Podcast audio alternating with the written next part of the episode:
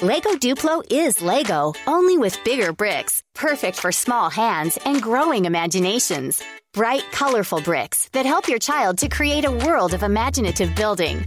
The new Lego Duplo steam train has arrived with push and go motor and five new action bricks that control everything from the lights, the direction of travel, and even the horn. And download the free Duplo app for even more fun.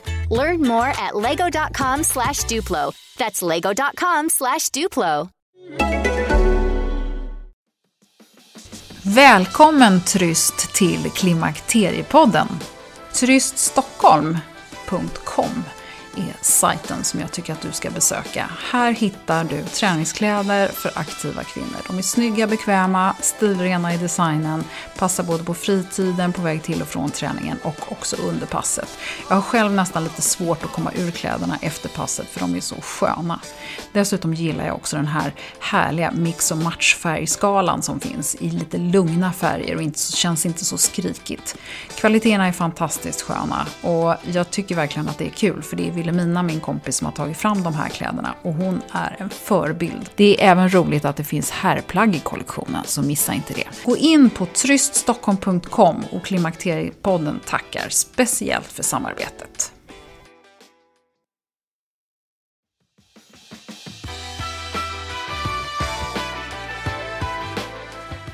Hej och välkommen till Klimakteriepoddens 20 avsnitt med mig, Åsa Melin.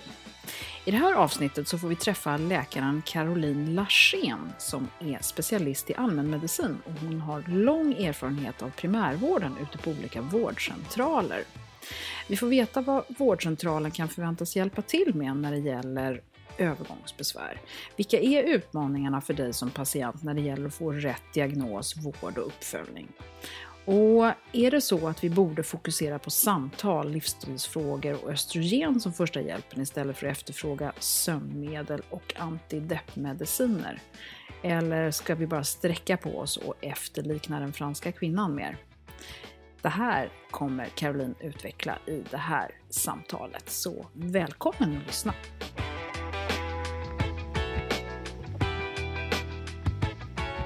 Då sitter jag här med Caroline Larsén. Välkommen till Klimakteriepodden. Tackar. Du är specialist i allmänmedicin. Ja. Vad betyder det?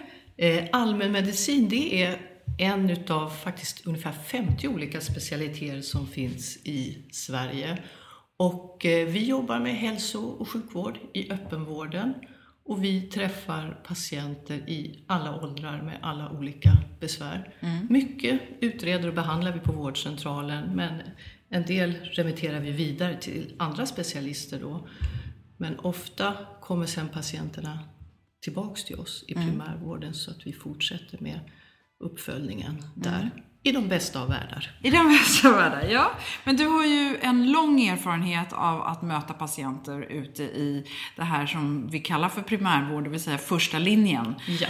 Och det är det, vi ska prata lite grann om kvinnan idag. Eh, men först jag tänkte vad, vad, vad är allmänvården, liksom vårdcentralen, vad gör man där? Alltså på, på, på vårdcentralen så det finns olika namn, det finns husläkarmottagningar och eh, hälsocentraler. Men där jobbar distriktsläkare, distriktssköterskor. Ofta har man knutit till sig sjukgymnast, dietist, kuratorer. Eh, och eh, ja, det är helt enkelt befolkningens bassjuk hälso, sjuk och hälsovård som vi, som vi sköter där. Mm. Jag tror att det är kanske 14-15 miljoner besök per år ungefär på, i, i primärvården. Oj. Jag tror att jag har läst den siffran någonstans. Ja. Oj, ja, ja då förstår Så man ju det, att den det, kan vara lite belastad då, som man läser om. Utspritt över hela Sverige. Ja, ja. Eh, vi ska fokusera lite grann på kvinnan med eh, klimakteriebesvär. Och, och, då tänker jag så här, vad är det för typ av kvinna som söker hos er? Och varför söker hon? Om vi nu fokuserar på kvinnan i medelåldern, 40 till 65 eller så. Ja, och då kan jag säga att i storstadsregionerna kanske det är inte så vanligt att en kvinna som vet om att det här är nog klimakteriebesvär går till vårdcentralen för där finns så mycket gynekologer. Och man går nog hellre direkt till en gynekolog. Men på mindre orter och på vissa vårdcentraler finns det ju eh, doktorer som är, som är särskilt duktiga och tycker om att jobba med gyn och, och då har de ju en liten kundkrets där också. Men vi gör ungefär samma sak då som hos en gynekolog. Kvinnan får berätta om sina besvär. Eh, man gör alltid en, en, enklare undersökning, lyssna på hjärta och lungor, kolla blodtrycket är viktigt, känna på brösten ska man göra och självklart ska man göra en gynundersökning. Och det är nog där det brister mycket på vårdcentraler för det är, gör man inte gynundersökningar ofta så tror inte jag att det är bekvämt för kvinnan. Nej. Många gynekologer har ju också ultraljud kan också finnas på vårdcentraler men, men det är också en, en, en bra undersökningsmetod. Eh, men i alla fall, eh, och vi erbjuder då samma typ av råd och behandling. Det viktigaste för oss inom primärvården, vi som jobbar med hälsa, det är de här basen, livsstilen, det vill säga maten. Äter man vettigt? Eh, rörelsen, motion, eh, styrketräning, promenader. Jätteviktigt för alla, men, inte, men särskilt för kvinnan i klimakteriet. Sen eh, rökning också försöker vi alltid ta upp för det, det bidrar till så himla mycket sjuklighet. Och storrökande kvinnor de kommer i snitt två år tidigare i klimakteriet än icke-rökare. Eh, så det här är väl prover brukar man inte behöva ta om det inte är så att man vill kolla ett blodstatus, blodsocker och om kvinnan har väldigt rikliga blödningar kanske man vill kolla just så att hon inte har blodbrist, järnvärde och så. Men de här lite speciella hormonproverna, det finns liksom ingen anledning att ta det om det är ett normalt förväntat klimakterium. Ett, är det ett väldigt tidigt klimakterium, då kan det vara av intresse då att kolla hormonnivåerna så att man verkligen ser att eh, man får belägg för, för, för sina misstankar. Då. Och om kvinnan söker med lite mer diffusa eh, symptom då, som, som det här som är väldigt vanligt i vården, att man ja, trött, hängig, deppig, sover dåligt. Ja, det är ju också det är ju vanligare att vi får den frågeställningen på vårdcentralen. Jag tänkte bara avsluta lite grann ja, med hur vi, hur vi eh, Östrogen i tablettform efterfrågas inte så mycket Nej. längre på vårdcentralen. Eh, däremot, och det har vi tidigare hört på tidigare avsnitt om de här stora studierna på 2000-talet som eh, var lite illa designade och från att ungefär hälften av kvinnorna stod på östrogen så är det nu ganska lågt, nere på 7% eller något sånt där. Men eh, eh, däremot så skriver vi ut en hel del eh, lokalt verkande östrogen eftersom vi har många kvinnor som söker för besvär med torra slemhinnor och urinvägsinfektioner. Och då är det ett jättebra behandling. Mm. Eh, men eh, östrogen i tablettform, där måste vi på vårdcentralen vara ganska strikta med indikationen och indikationen är bara vallningar. En eh, gynekolog med, med lite djupare kunskaper kan säkert också ha eh, lite andra indikationer, inte bara värmevallningarna utan andra eh, besvär i, i klimakteriet. Men vi inom primärvården, vi måste verkligen gå på eh, eh de rekommendationerna som vi får av specialisterna. Vi får inte göra egna utsvävningar. Liksom. Nej.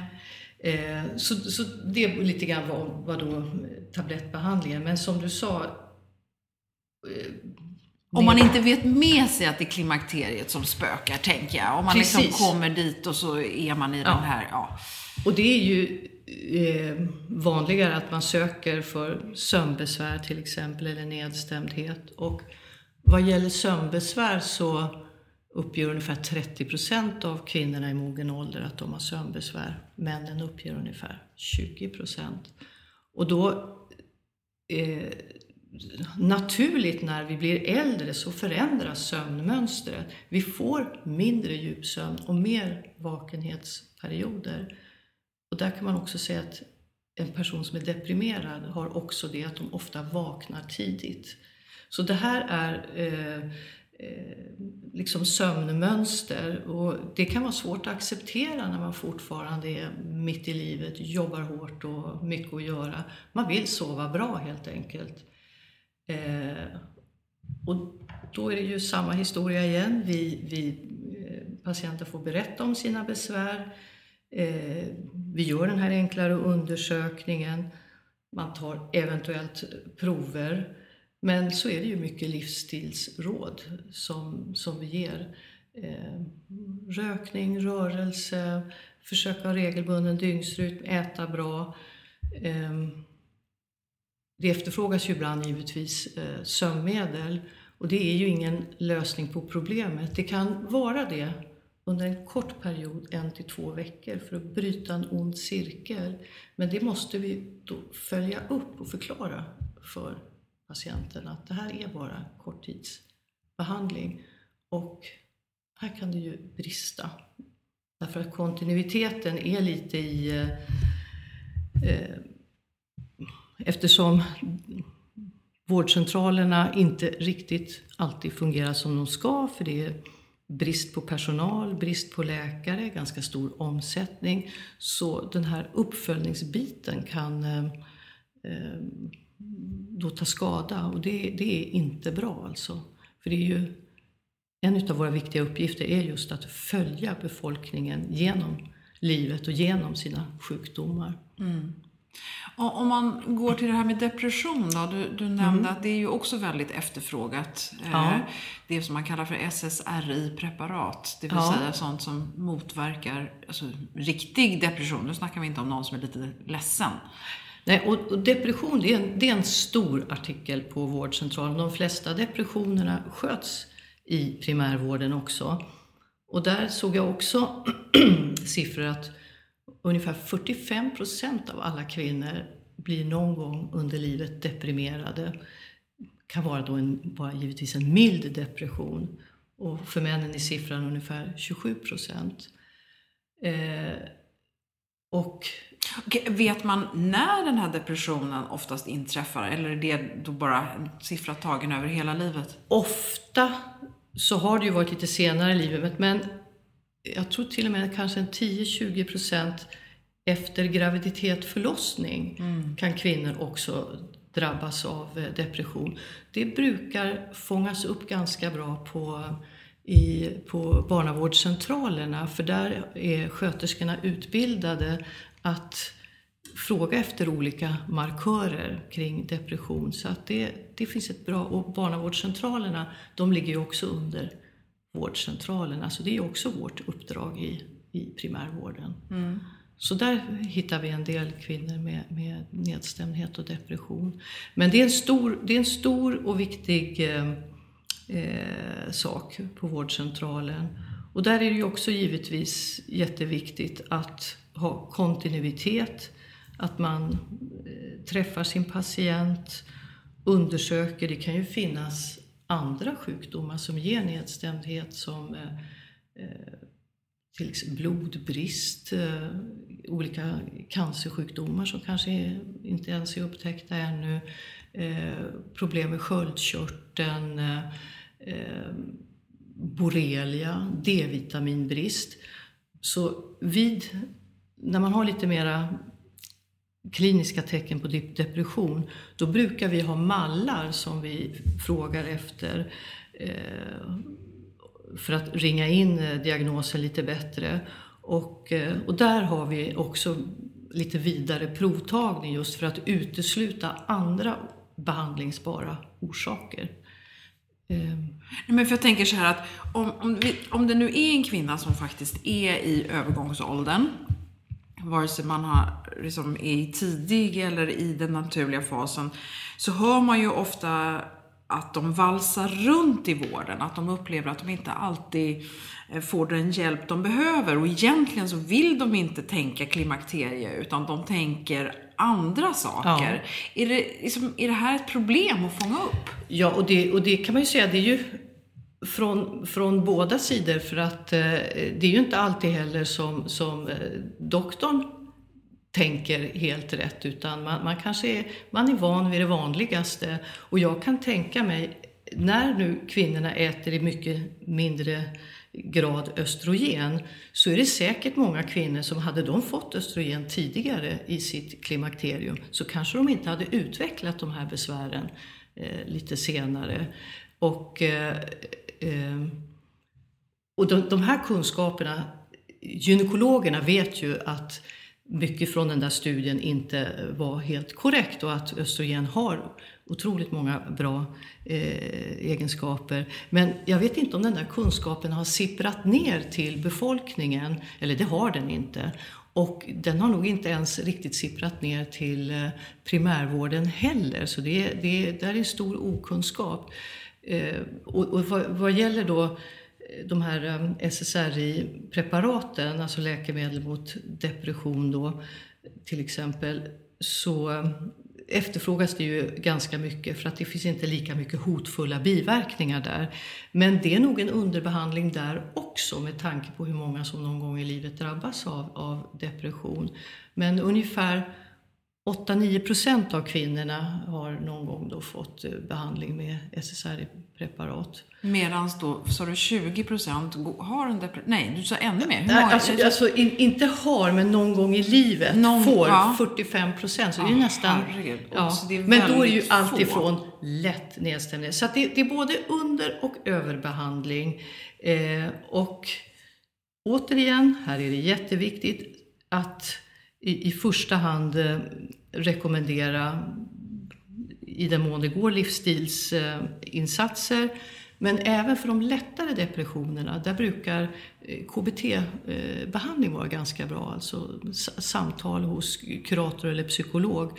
Och i de bästa av världar så finns det kuratorer och psykologer på vårdcentralerna. Men det är också en, en, en, en bristvara och det är jättesynd. Eh, men när vi då väl sätter in läkemedel så är det jätteviktigt att följa upp, utvärdera efter ett par månader. Fungerar det här? Och vi ska även utvärdera livsstilsbehandlingarna. Fungerar det här? Mår patienten bättre? Eh, och gör det inte det så måste vi ju tänka om. Och vi är ganska duktiga på att sätta in läkemedel men vi är nog lite sämre på att sätta ut.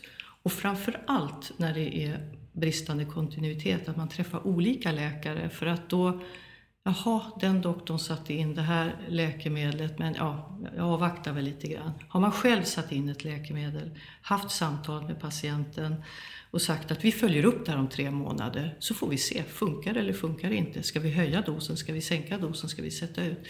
Och den viktiga, viktiga biten faller bort mm. om man inte har bra kontinuitet. Alltså bra, bra personalsituation på vårdcentralerna. Lego Duplo is Lego, only with bigger bricks, perfect for small hands and growing imaginations. Bright, colorful bricks that help your child to create a world of imaginative building. The new LEGO Duplo steam train has arrived with push and go motor and five new action bricks that control everything from the lights, the direction of travel, and even the horn. And download the free Duplo app for even more fun. Learn more at lego.com slash Duplo. That's lego.com slash Duplo.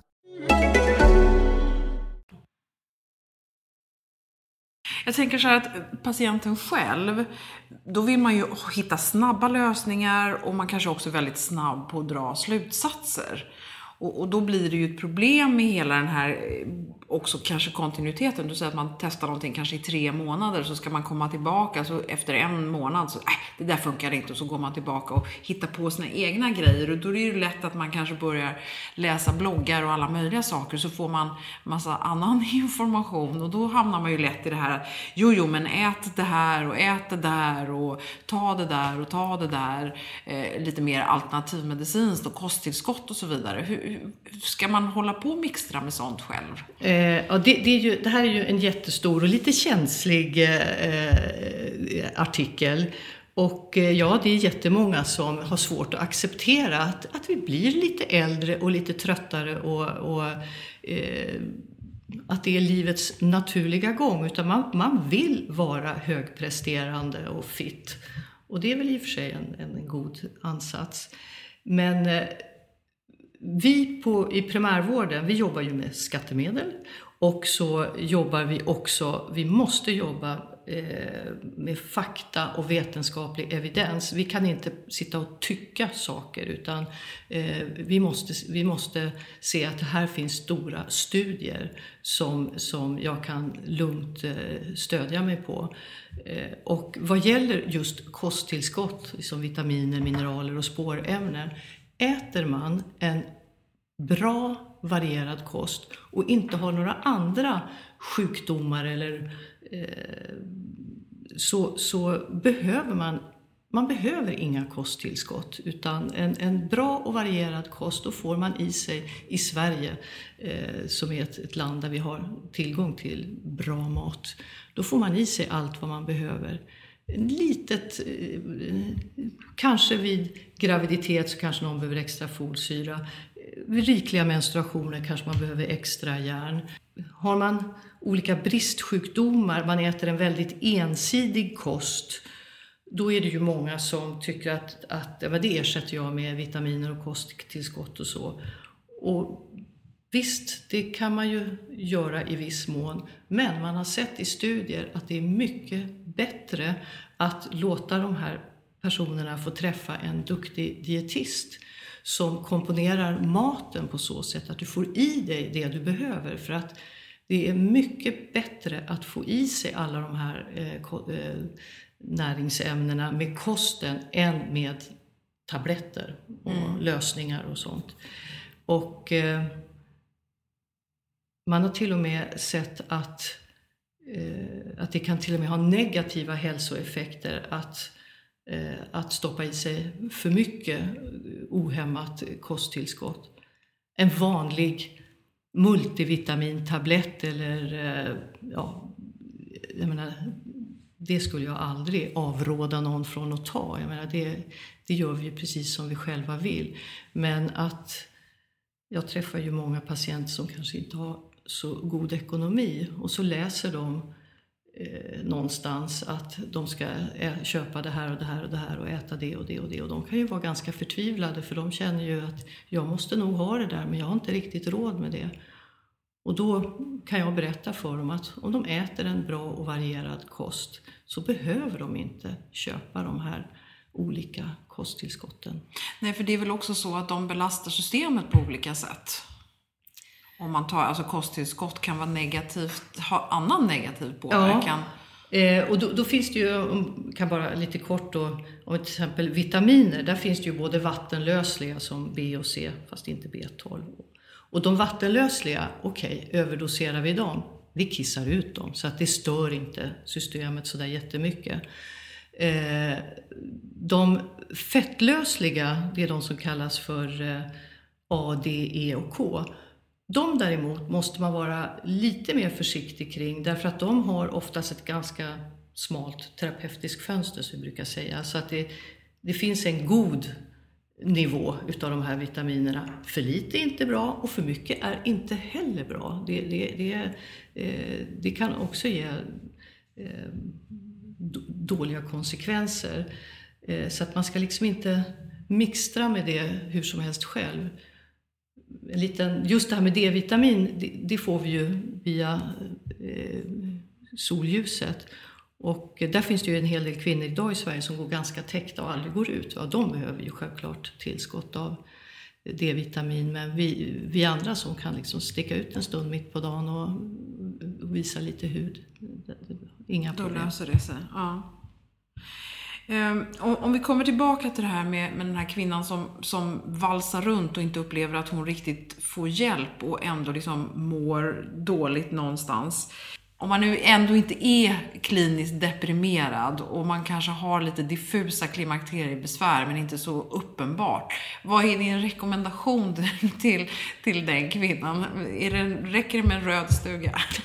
Alltså ibland, i, i, ibland har jag ju sagt att vi skulle bredvid vårdcentralen ha en röd stuga med en trevlig sjukgymnast som tar ut, eh, oftast är det ju kvinnor, på raska promenader och sen kommer de tillbaks, sätter sig ner, pratar, har lite samvaro, tar en kopp kaffe. Jag tror att man bryter ensamhet, man får in rörelse, man får avlastande samtal. Jag tror att det skulle kunna avlasta vårdcentralerna men det här har vi då inte evidens på.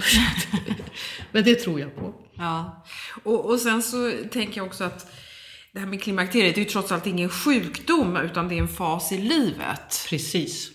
Och, och, berätta, hur, hur, hur, förklarar man det för den som sitter där mitt emot? Jo, men alltså, man ska inte undervärdera att ge kunskap för att får man Många kanske drivs av en oro, de är rädda. Oj, vad är det här? Jag mår inget bra. Eh, är det någon allvarlig sjukdom jag har drabbats av? Och om man då kan berätta att, att eh, just nu är du i klimakteriet och, och, då har man de här och de här symptomen och eh, för det mesta så är allt över efter fem år, vilket kanske är en klen tröst. Men det är, och en del kvinnor kan ju tycka att, att det är ganska skönt att få höra att det, att det är så det är. Eh, men eh, somliga vill ju Nej, men för jag tänker att då vill man kanske ändå ha hjälp och det, då, då, finns det ingen hjälp att få. Man kanske inte vill ha några eller kan ta några östrogener och, och man får inget sömnmedel. Man får, får inget antidepressivt och doktorn bara skickar hem en och så kommer man tillbaka igen. Ja, eh, och, och, och, och om man då inte, inte mår bra och inte har, jag menar, vi inom vården, vi träffar ju patienten 20 minuter här och var och där. För övrigt är man ju själv med sitt liv. Och eh, om man inte då har en, en, en, eh, social samvaro som kan liksom lyfta en lite grann, då borde ju vi kunna erbjuda eh, kanske samtal hos en kurator och en psykolog så att eh, ja, man får lite stöd och gå vidare. Men där är det ju också stora brister för att det finns inte i, i tillräcklig mängd. Alltså behovet är enormt men... men eh, och det är framförallt kvinnor? Ja, det är män också, men det är övervikt på kvinnor. Nu låter det som om det bara är kvinnor på vårdcentralen, så är ju inte alls fallet. Men, men kvinnorna kanske också är lite duktigare på att eh, söka för sina besvär. Männen kanske sitter mera hemma i, i skymundan eller och och tar inte den här möjligheten. Mm. Nej, jag kom också plötsligt att tänka på vi måste ju jobba med hälsovård och där är ju livsstil väldigt viktigt. Och vi försöker också alltid när vi träffar patienter som är rökare att motivera dem till att sluta röka för det är ju en jättestor eh, negativ hälsofaktor. Någonting annat som eh, vi också tar upp men kanske inte riktigt samma omfattning, det är ju alkohol. Och där, det finns nog ett ganska stort dolt eh, riskbruk eller missbruk av alkohol som eh, också ger ökade besvär kring klimakteriet och med nedstämdhet, sömnproblem och, eh, och eh, där får man kanske vara lite försiktigare och inte kasta sig på patienten det första man gör när de kommer och söker för att de känner sig lite trötta. Utan man, där måste man ju etablera en relation först. Och återigen, har man ingen bra kontinuitet så kanske inte det blir så, så bra. Men det är också faktiskt en viktig folkhälsofråga. Och där kan jag tänka mig att det finns kanske en hel del kvin ensamma kvinnor i, i klimakteriell ålder som kanske går lite, dricker lite väl mycket. Mm. Ja, det blir, det blir ett sätt kanske att du kommer hem från jobbet, tar ett par glas vin, det är lite småtrist och så är det lättare att slappna ja. av och så tycker man att man somnar bättre men det blir bara en ond spiral av alltihopa. Ja.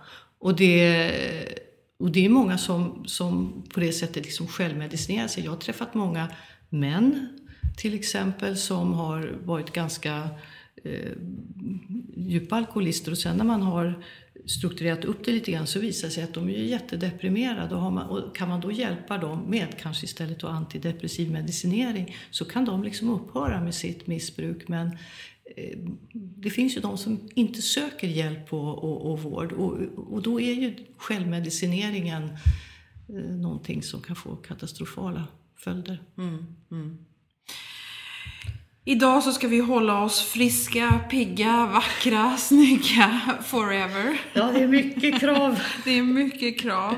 Ja, och sen så, då vet jag att du som har en fransk bra bakgrund ibland brukar prata om att vi skulle efterlikna den franska kvinnan. Ja, jag tycker liksom att eh, generellt sett så kanske den franska kvinnan bejakar eh, mer okomplicerat sin kvinnlighet. De har liksom lite morgondisciplin framför spegeln och eh, sträcker lite grann eh, eh, på sig. Den svenska kvinnan är kanske lite mer kluven inställning, kluven inställd till det här med, med, med, med kvinnlighet. Eh, också någonting som jag tycker man märker när man är i Frankrike, att franska kvinnor har också en mindre komplexfylld inställning till mat. De sitter gärna ner i ett sällskap och äter en trerätters lunch. Kanske väljer fisk istället för kött som mannen gör eller männen gör. Men eh, de äter och njuter och tar en bit bröd. Vi har glidit in i något slags eh, eh vi har mycket dieter för oss, vi, vi lägger mycket band på oss vad vi ska äta och inte äta. Så det blir inte den här avslappnade, trevliga eh, måltidssamvaron på samma sätt. Och Nej, sen men... är vi lite dåliga med måltider. I Frankrike är man fortfarande generellt sett lite bättre på att ha måltider och samla familjen. Här kan ibland måltiderna bli fem stycken om man är mm. fem i familjen. Mm. Ja, för det, det, låter ju lite som att många saker kan sammanfalla samtidigt och det i sin tur kan skapa eh, en svårdefinierad eh, gräns mellan då depression och, och klimakteriebesvär. Och, alltså allting händer lite grann på samma gång. Ja, och allting händer i en fas i livet när vi är lite gråtmilda och sårbara. Och då har jag också en liten käpphäst där att, att eh, eh, med, med lite fasthet i, i huden och god sömn så kan man ju faktiskt gå från gråtmild till kapabel.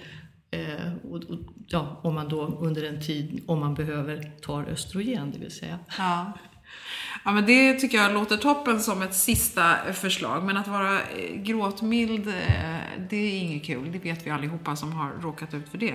Så att, nej, äh, men bra. Jag tycker vi har fått med ganska mycket. Har vi, har vi missat någonting som du tycker är viktigt att få ja, Vi fram? har säkert missat en hel del, men då får det komma någon annan gång. Ja, vad bra.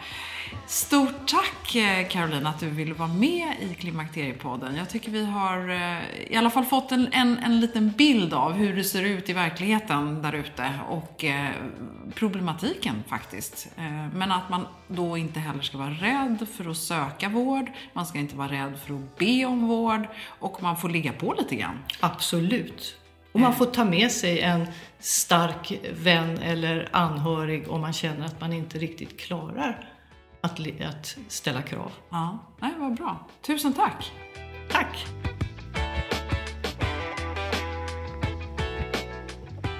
Ja, det är inte första gången vi får känslan av att mycket av ansvaret för välmående och rätt hjälp ligger på oss själva. Och det är bra att ha kunskap så det går att ställa krav. På Klimakteriepoddens Facebook-sida så hittar du också en intressant länk som Caroline rekommenderat och såklart även en bild på henne. Jag är så glad för all positiv feedback podden får, så tusen tack för det. Dela och sprid med era vänner så kan podden fortsätta leva och få hög kvalitet på de medverkande. Jag får ofta frågor från er lyssnare och det tycker jag är jättekul. Och jag tar med mig de här till kommande gäster, så ni får ha lite tålamod för de flesta kommer få svar. Eh, även om jag har snappat upp en hel del under den här klimakteriepoddsresan så vore det fel av mig att ge mig in och svara. Även om jag många gånger har en känsla av att jag skulle kanske kunna göra det. Eh, just nu så tycker jag dessutom att det känns som att jag kommit in i det där stadiet när jag inte kan mycket alls från att ha känt med att jag kunde faktiskt en hel del. Ni vet säkert den där känslan. Det kanske betyder att jag är på väg att faktiskt kunna det här ämnet ganska bra. Hur som helst så är den kvinnliga kroppen och det här ämnet väldigt komplext som ni säkert har märkt. I nästa avsnitt så ska Martina Johansson vara med. trots sin unga ålder så kan hon mycket om kroppen och hormoner. Hon är civilingenjör i biokemi och biofysik och så har hon massor av kunskap som hon skriver bland annat om i sina böcker och på sin omåttligt populära blogg. Och vi får veta mer om vilka hormoner som påverkar oss förutom könshormonerna och eh, hur vi kan påverka det. Och så får vi lite insikt i en biohackers liv. Det blir spännande. Dessutom så blir det en liten tävling där du kan vinna Martinas bok Hormonbibeln 2.0. Under tiden så kan du komma i kontakt med mig, Åsa Melin, på info.klimakteriepodden.se eller via Klimakteriepodden på Facebook och Instagram. Stort tack för att du har lyssnat idag och eh, hej då och hoppas du är tillbaka snart igen.